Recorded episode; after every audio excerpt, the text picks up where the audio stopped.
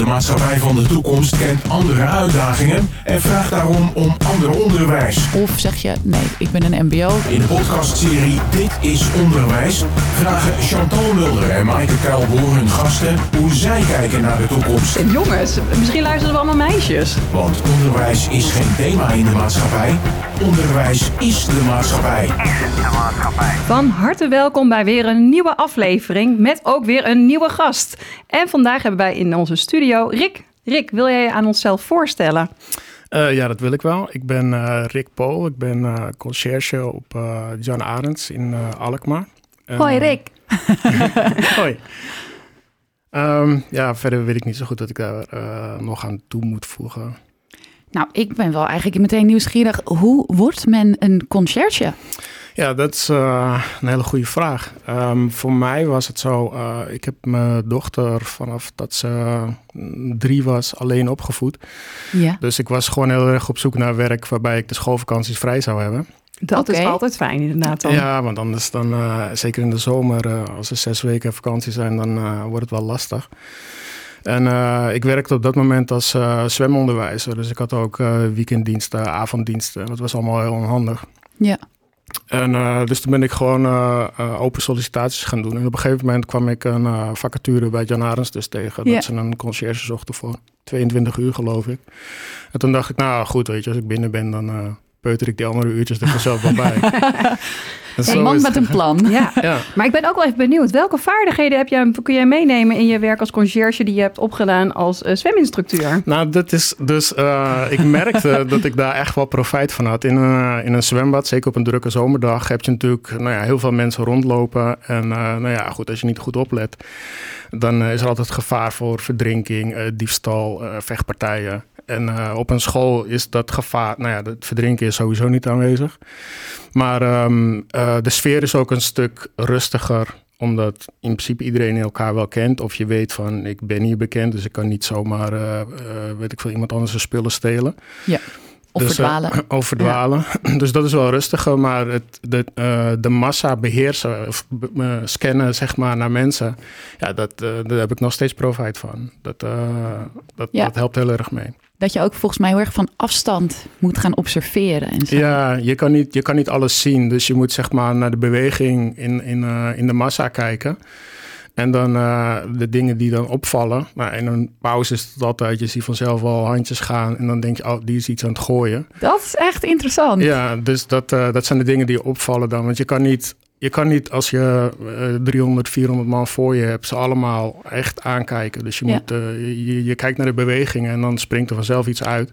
Mensen die iets doen wat ze niet mogen doen, die vallen ook altijd op omdat ze, nou ja, ze gaan schichtig om zich heen kijken. Ja. Ze bewegen op een andere manier, dus dat uh, knalt er altijd lekker uit. Dan. Oh, geweldig. Goed om even goed om te horen Ja. dit. Ja, Daar misschien zelf ook nog ergens profijt van. Ja, ik, ik wilde zeggen van, uh, ja, dus als je iets stiekem doet, moet je altijd doen alsof er niks aan de hand Ja, is. Maar, precies. maar dat is natuurlijk geen tip die ik hier moet uh, gaan verkondigen. nou, dat is nu officieel te laat. Ja. Maar uh, een beetje surveillance skills heb je dus wel nodig. Ja, ja. Ja, nou ja, ja, het helpt heel erg. En, uh, want als niemand dat heeft, ja, dan gaat natuurlijk gewoon een hoop. Maar het is, ik heb niet het idee dat iedereen in het team daar heel scherp op moet zijn. Omdat bij ons is het ook wel een beetje verdeeld, zeg maar. wie de...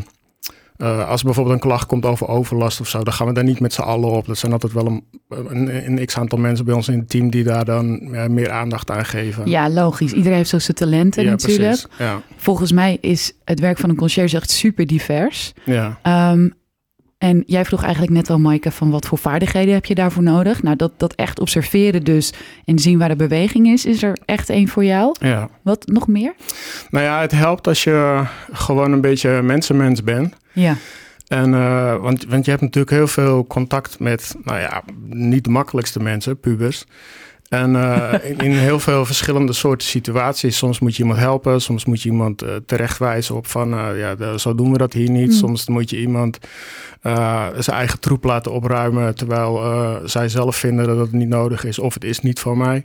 Ja. Weet je, dat ja. is altijd een mooie die terugkomt. Dus ehm, ja, een beetje een gevoel voor gesprek, dat, uh, dat kan zeker geen kwaad. Zeker weten, ja. En ik denk dat we hier zo nog wel wat meer over uh, de diepte in gaan. maar de, daarvoor ga ik jou eerst een aantal stellingen en vragen voorleggen. Ja. En daar mag je kort antwoord op geven. En dan gaan we daarna weer met Chantal een stukje de diepte in. Ja, is goed. Oké, komt de eerste. Wat is volgens jou het doel van onderwijs? Ik denk dat het doel van onderwijs, of het zou het in ieder geval moeten zijn, uh, het, het klaarmaken voor mensen voor een leven in de maatschappij. Klinkt mij al heel goed in de oren. Ja. ja. De tweede. Wat is het belangrijkste wat jij ooit op school hebt geleerd? Ja, de, praktisch gezien uh, zijn het eigenlijk. Uh, nou ja, je hebt natuurlijk je algemene vaardigheden en algemene kennis. Maar praktisch gezien merk ik dat ik eigenlijk alleen nog wat doe met metalen. Want uh, wiskunde zit er niet zo heel veel meer in. Ja. Maar um, ja, ik weet niet. Ik denk dat je puberteit sowieso een hele tijd is waarbij je levenslessen doet. Hoe ga je met bepaalde situaties om? En daar zit school op, op zoveel manieren vol mee. Zeker weten. Ja, ja. het geeft echt een stukje vorming. Ja. Moet leren leuk zijn? Ik denk dat niks altijd leuk kan zijn. Dus uh, dat is met leren hetzelfde. Dus uh, het is leuk als, het, als je iets kunt leren met een spelletje. Maar persoonlijk heb ik het meest geleerd van met vallen en opstaan. En vallen doet soms een beetje zeer. Dat klopt, zeker. Ja. Als je iets wilt toevoegen aan het huidige onderwijs, wat zou dat volgens jou dan moeten zijn? Ja, ik, uh, dat is wel grappig, want ik denk dat dat ook wel een beetje uh, langzaam uh, de tenden, tendens begint te worden. Um, dat het niet alleen gaat om de, de theoretische kennis die je hebt, maar mm-hmm. ook gewoon hoe je je als persoon in de maatschappij mag gedragen of zou moeten gedragen. Prachtig. ja. ja. Waar moeten we mee stoppen in het onderwijs? Ja, dat vind ik een heel moeilijke. Misschien heb ik daar niet genoeg. Ik was een hele luie leerling die nergens zin in had en zo. Dus. Um, die zijn er bijna niet, hè, dat soort leerlingen. Nee, bijna niet. Nee. Jij was dus de uitzondering. Ja, maar ja, voor mij voelde het wel een beetje als zo'n gevangenis... waarbij je dan iedere keer de laatste les de minuten wist daar af te tellen. Ja, ja, ja. jas al aan. Ja, nee, um, ja, ik, ik weet het niet zo goed. Ik, uh, ik vind nee, maar hem, ik dat vind is ook goed. Ja. Dan gaan we gewoon door naar de volgende. Mm. Toetsen en cijfers geven werkt demotiverend. Ja, dat is ook iets wat ik wel hoor. Maar ik denk dat dat vooral ook komt om de lading die je er zelf aan geeft. Als je, als je ouders je er heel erg op afrekenen of een docent zegt, nou, het was echt weer niks. Maar je hebt wel toetsmomenten nodig om te weten waar je staat. En als, uh, als je een vijf haalt en een docent zegt van, uh, ja, nou ja, goed, volgende keer is beter en nu weet je waar jij moet werken, dan lijkt het mij niet uh, demotiverend. Nee, maar dat hoor ik jou erin zeggen. Er zit er ook een stukje reflectie in. En wat heb je de volgende keer dan nodig? En wat kun je anders doen? Ja, en dan is het, het is, een, het is een toetsmoment. En hoe je dat ziet, dat ligt voor een deel bij jezelf, denk Ja. ik. En hoe belangrijk we met z'n allen toetsen dus ook maken. Zij- ja, precies. Maakt ook uit. Ja. Ja, ja. Kinderen worden nu prima voorbereid op de uitdagingen van de toekomst. Ja, nou, ik denk dat je nooit helemaal voorbereid bent op de toekomst. Eh, ja, weet je, leven gebeurt uh, terwijl, hoe het is dat eh, John Lennon toch? eh, life happens while you're making other plans. Zeker. En ehm, ja, dat is natuurlijk ook zo. Dus je kan meer dan je best kan je niet doen. Maar ehm, ja, wat ik net ook al zei, ik denk dat dat hele emotionele aspect van hoe jij later in je leven staat, los van eh, of je wiskunde gebruikt of niet, Ja. dat dat wel belangrijk is. En eh, ja, ik weet niet of dat genoeg aandacht krijgt in het onderwijs. Ik denk van niet eigenlijk. Gaan we denk ik zo wel ergens dieper op in nog. De laatste. Wat is de belangrijkste vaardigheid of competentie die iedere jongen na 16 jaar onderwijs moet hebben meegekregen? Ehm, ja, dat is ook, eh, als, de- als je eentje moet kiezen, Ja, doe dan één. Eentje, dan zou ik zeggen kritisch nadenken. Van eh, als jij iets van huis uit meekrijgt of, of iets cultureels, dan wil niet zeggen dat het klopt of dat het goed is of zo. Dat je echt voor jezelf objectief durft te kijken naar nou ja, de dingen die op dat moment belangrijk zijn. En niet, niet op basis van wat je altijd al dacht. Ja, ja. Wat je referentiekader, wat je gewend bent, Ja. zeg maar. Maar probeer er voor jezelf na te denken. Sowieso, dit hebben we vaker gehoord in, eh, in, in opnames met Ah, ja. gasten. Dus mooi dat jij dat ook aangeeft en herkent. Ehm, en verder viel mij op dat het heel erg ging bij jou over eigenlijk veel meer leren hoe je als een nou ja, gezond, goed mens in de maatschappij kunt staan. Ja, Dan dat het gaat om vakinhoud en vakkennis en dat soort dingen. ja. Ja. heeft ook misschien wel een klein beetje met jouw andere achtergrond te maken? Nou ja, ongetwijfeld. Um, nou, ik heb het een en ander aan uh, opleidingen ben ik wel begonnen, niet afgemaakt. Uh, laten we zeggen, het leven kwam tussendoor. Ja. Dus um, ja, weet je, de plannen die ik had, die, uh, die, die, die, zijn, die zijn er eigenlijk allemaal niet van gekomen. En dat is niet per se slecht, maar het betekent wel dat je constant, ja, uh, dat de kaarten opnieuw geschud worden en dan moet je nieuwe keuzes maken. Ja, ja. En dan, ja, weet je, dan heb je niet zo heel veel aan wiskunde of aan Duits of aan Engels. Of nee, zo. maar zo is het. En dan is het Ja. juist extreem belangrijk dat je uh, in je rugzak allemaal tools hebt om om te kunnen gaan met life what happens, zeg Ja, maar, zoals je net beschrijft. Ja, Ja, nou ja, wat, je, wat, wat ik uh, laatst in het nieuws ook wel meekreeg is uh, over uh, seksuele voorlichting. Mhm. Dat ze dat eigenlijk liever zien als van dat het niet alleen gaat over wat er gebeurt biologisch gezien of, Ja. of fysiek.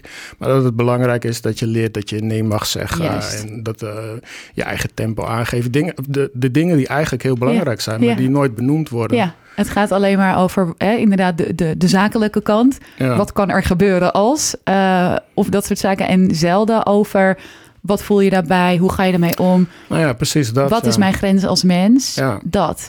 Ja. Ja, want ik hoorde jou zeggen, ik heb een dochter. Ja, dat klopt. Ja, hoe ga je daar met haar mee om dan? Nou ja, um, uh, juist ook omdat ik er uh, alleen opgevoed heb, of tenminste voor het grootste gedeelte alleen, um, heb ik alles eh, geprobeerd te doen, zeg maar, waarvan ik dacht van, nou oké, weet je, dat vond ik zelf niet zo leuk. Dus uh, Ja. geprobeerd te voorkomen. Um, uh, mijn vader, nou ja, ik, ik heb twee broers. Dat moest ook wel een beetje strikt gaan thuis, want anders dan... Uh, Was het hek van de dam? was het een grote speeltuin. Dus dat, dat, is, dat vergt natuurlijk een heel andere opvoeding dan dat je één Ja. op één, zeg maar, met een kind bent. En voor jou ook lastig, want jij bent dus jongens gewend in een gezin. En Ja. nu heb je in één keer een meisje. Ja, nou, ja dat is sowieso anders natuurlijk. Maar dan was het ook, uh, nou ja, mijn vader, uh, die kon. Uh, wat ik zelf heel vervelend vond, was dan als je er terecht gewezen wordt, zeg maar. Terwijl allemaal mensen staan te kijken en dat jij even de Oh, wind ja. van voren krijgt. Ja. Dus als ik iets had dat zij deed of gedaan had gezegd, dat waarvan ik dacht, nou, dat, dat moet eigenlijk even anders. Dan zei ik altijd van, loop even mee. En dan sprak Juist. ik apart toe. En dan legde ik uit wat, waarom ik vond dat dat niet kon of dat dat niet de bedoeling was. En is dat ook hoe je nu met leerlingen omgaat? Uh, um, nou ja, Oh, dan wordt hij even gelachen. dat, is heel, dat is heel erg uh, situatieafhankelijk. Maar ik neem leerlingen wel uh, apart als ik merk dat ze door groepsdruk of zeg maar je vrienden staan te kijken. Dus je kunt niet iets toegeven. Dan neem ik ze wel apart. Dan zeg ik altijd, loop even mee. En dan benoem ik dat ook. Ik, dan zeg ik ook van, ik snap wel dat je nu zeg maar even de stoere jongen moet zijn. Ik zeg maar, ja, Mhm. zo gaan we er Mhm. niet uitkomen. En dan doe ik dus mijn verhaal. En vaak werkt dat wel. Ja, zeker. Ik, Ja. ik, ik ken jou dus als conciërge bij ons op school echt als de, nou ja, de pedagogische conciërge, om het zo maar te Ja. zeggen. Wat fijn. Ja, ja, dat is super fijn. Belangrijk voor kinderen ook. Ja, jij levelt met ze. Je gaat echt, hè, je maakt het persoonlijk. Je gaat gelijk staan met ze. En dan ga je een soort een gesprek aan van hè, hoe zou dat anders kunnen of waar is het misgegaan.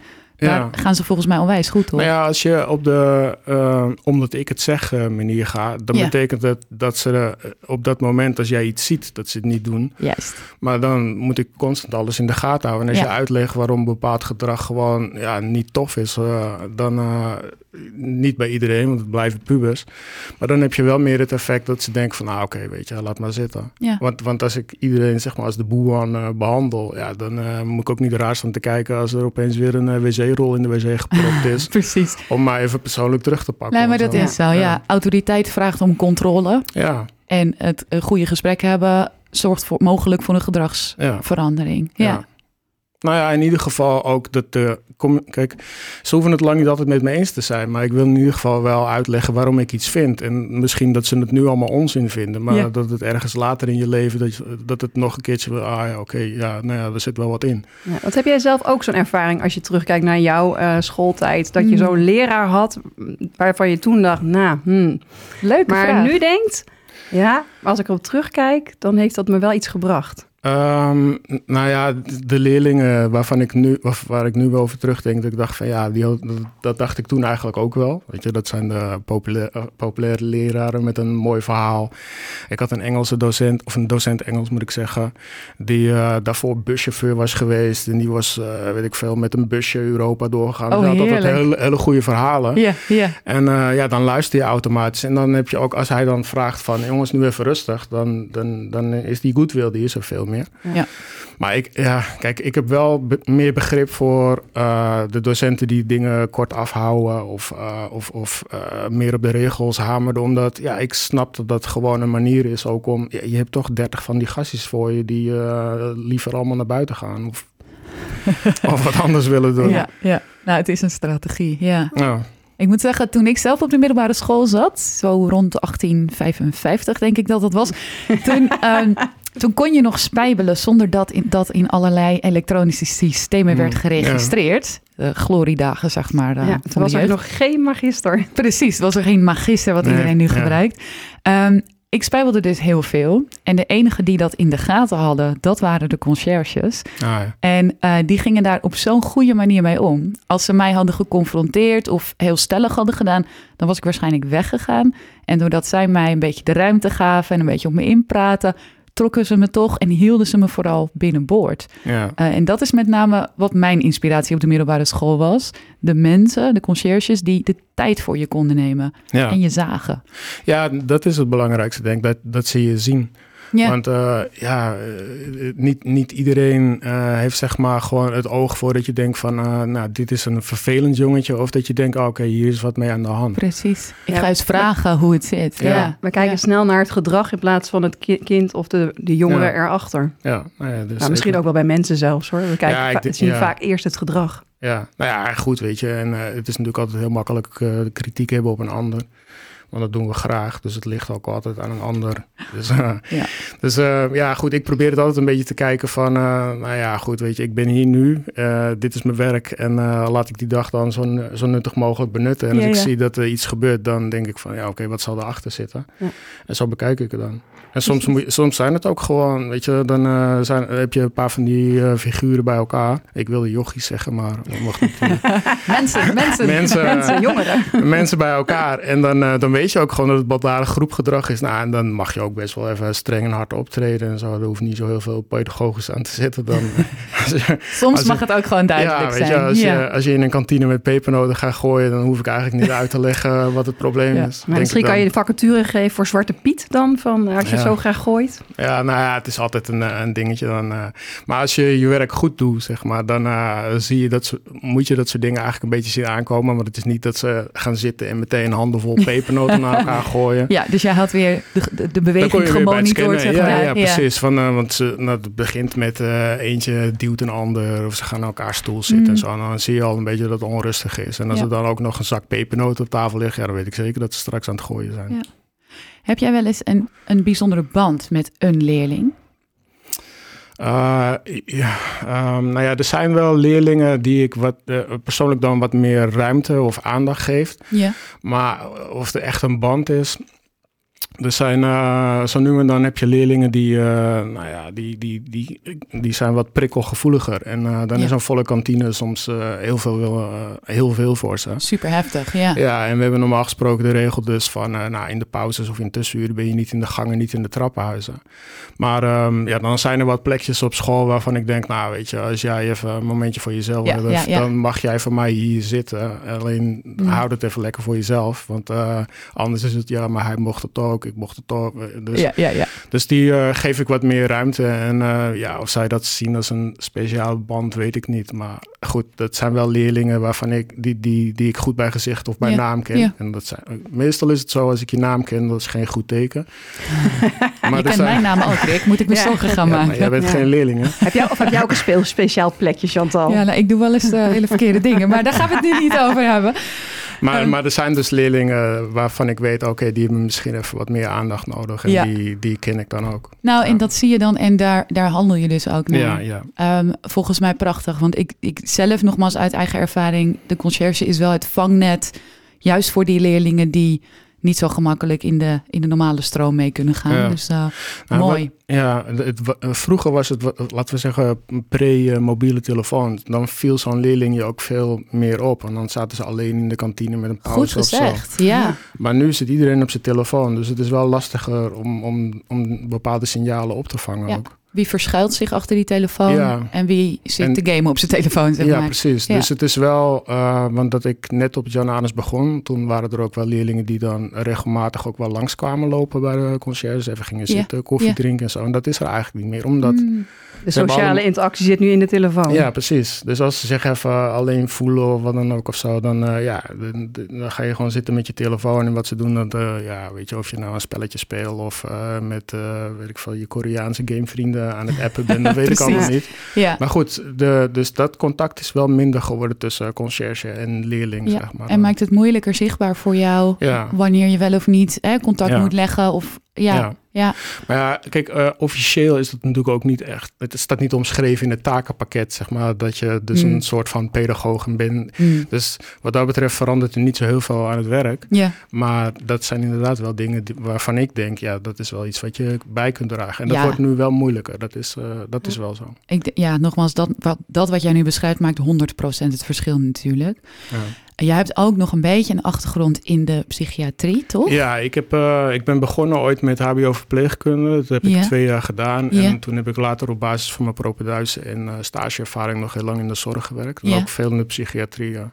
ja, dan heb je dus heel veel sp- gesprekstechnieken. En ook dat, je, dat je mensen, nou ja, kijk, dat je je moment uitkiest om iemand uh, Hmm. wat uit te leggen, om het zo te zeggen. Als een leerling echt heel opstandig is, dan uh, wil ik altijd uh, een kluissleutel hebben of zo, zodat ik weet dat ze na de les nog terugkomen. En dan Ja. praten we er daarna nog wel een Ja. keertje over. En dan hebben we een beetje een afkoelperiode Ja. gehad. Als je het tegelijk of op hetzelfde moment had gedaan, dan, dan had je kunnen lullen als brugman. Ja, dat gaat niet werken. Ja. Dat is dan bijvoorbeeld iets. En uh, nou ja, wat ik zeg van, uh, nou ja, puberteit is natuurlijk best wel een, cha- een chaotische periode voor mensen. Extreem, ja. Dus uh, allerlei onzekerheden en kwetsbaarheden worden dan uitvergroot. Nou ja, en dat kom je in de psychiatrie natuurlijk ook heel erg tegen. Ja. Ja. Dus uh, dat is zeker een voordeel, ja. Dat denk ik ook. En dat je misschien wat eerder dat soort signalen kan oppakken of misschien dingen kan ondervangen. Ja, ik vind het moeilijk om te zeggen, omdat het gewoon zeg maar, nou ja, in mijn pakket zit. Dus Ja. ik, ik denk altijd van, nou ja, ik zie meteen van, ik denk, oh, die flirt een beetje met het autistisch spectrum. Mhm. Maar dat is dan blijkbaar niet voor iedereen even duidelijk. Terwijl ik denk van, ja, maar dat is niet zo raar dat hij zo doet. Dat, dat zie je toch? Precies, precies. Eh, Maar Rick, want ik vind dat wel interessant als jij dat wat jij zegt. Want jij signaleert dus heel veel. En vanuit jouw achtergrond heb je ook heel veel kennis. Hoe zet jij dat dan in bijvoorbeeld naar je collega's? Ja, um, uh, nou ja, als ik, als ik zie dat een collega uh, naar mijn inzien niet op de juiste manier met een leerling omgaat, dan leg ik, of tenminste dan ga ik dat gesprek wel aan. Waarvan, mm. uh, ik doe dat nooit met de leerling erbij, want dat is natuurlijk weer autoriteit ondermijnend dan. Maar ik probeer dan wel uit te leggen, zeg maar, van waarom ik dat dan anders zie. Ja, en of een collega dat oppakt, dat is natuurlijk een heel ander verhaal. Ja, ja daar heb je natuurlijk altijd weer je eigen beeld ook weer bij. Dat Ja. klopt. Um, als laatste wil ik je nog iets voorleggen. Heb jij eventueel een quote, een mantra of een uh, wijze levensles die je toch nog met ons wil uh, delen? Nou, het eerste wat me dan te binnen schiet is die John Lennon uh, van net. Gewoon, uh, life is what happens while you're making other plans. En, en daar ben ik dan zelf het levende voorbeeld van. Ik ben zeg maar binnen vier jaar van vrijgezel naar alleenstaande vader gegaan. En die had ik niet uh, kunnen Die had je voorspellen. niet in je voorspelling staan, nee. Ja, nee, die had ik niet aangezien uh, komen, nee. Dus het is echt hoe je om met het leven omgaat. Ja. Dat bepaalt Ja. alles. Nou ja, en, de, en wat je dus ook ziet is van, uh, ik heb in verschil, ik ben, uh, ik heb, ben nog militair geweest bij Defensie. Ik heb uh, best wel verschillende werkvelden Ja. gewerkt. Onwijs. Nou, ik had ook niet kunnen voorspellen dat ik zou eindigen op een middelbare school. Zeker niet in de tijd dat ik zelf op school zat. Want uh, ja, hoe, hoe eerder je eraf bent, hoe beter natuurlijk. Ja, en Ja. nu zit je eraan vast. Ja. dat is Ja. echt heel grappig. Ja. Ja. Rick, mag ik je onwijs bedanken voor uh, je deelname en het gast willen zijn in deze podcast. ja, natuurlijk, geen probleem. Tof. Ja. Mensen, dit was weer een aflevering van Dit is Onderwijs. Wil je meer weten? Kijk dan op de website ditisonderwijs.nl. Dit was Dit is Onderwijs. Een podcast waarin we proberen verbinding te maken tussen het onderwijs en de dag van morgen. En de dag daarna. Dit is Onderwijs is een samenwerking tussen Streekstad Centraal en ditisonderwijs.nl.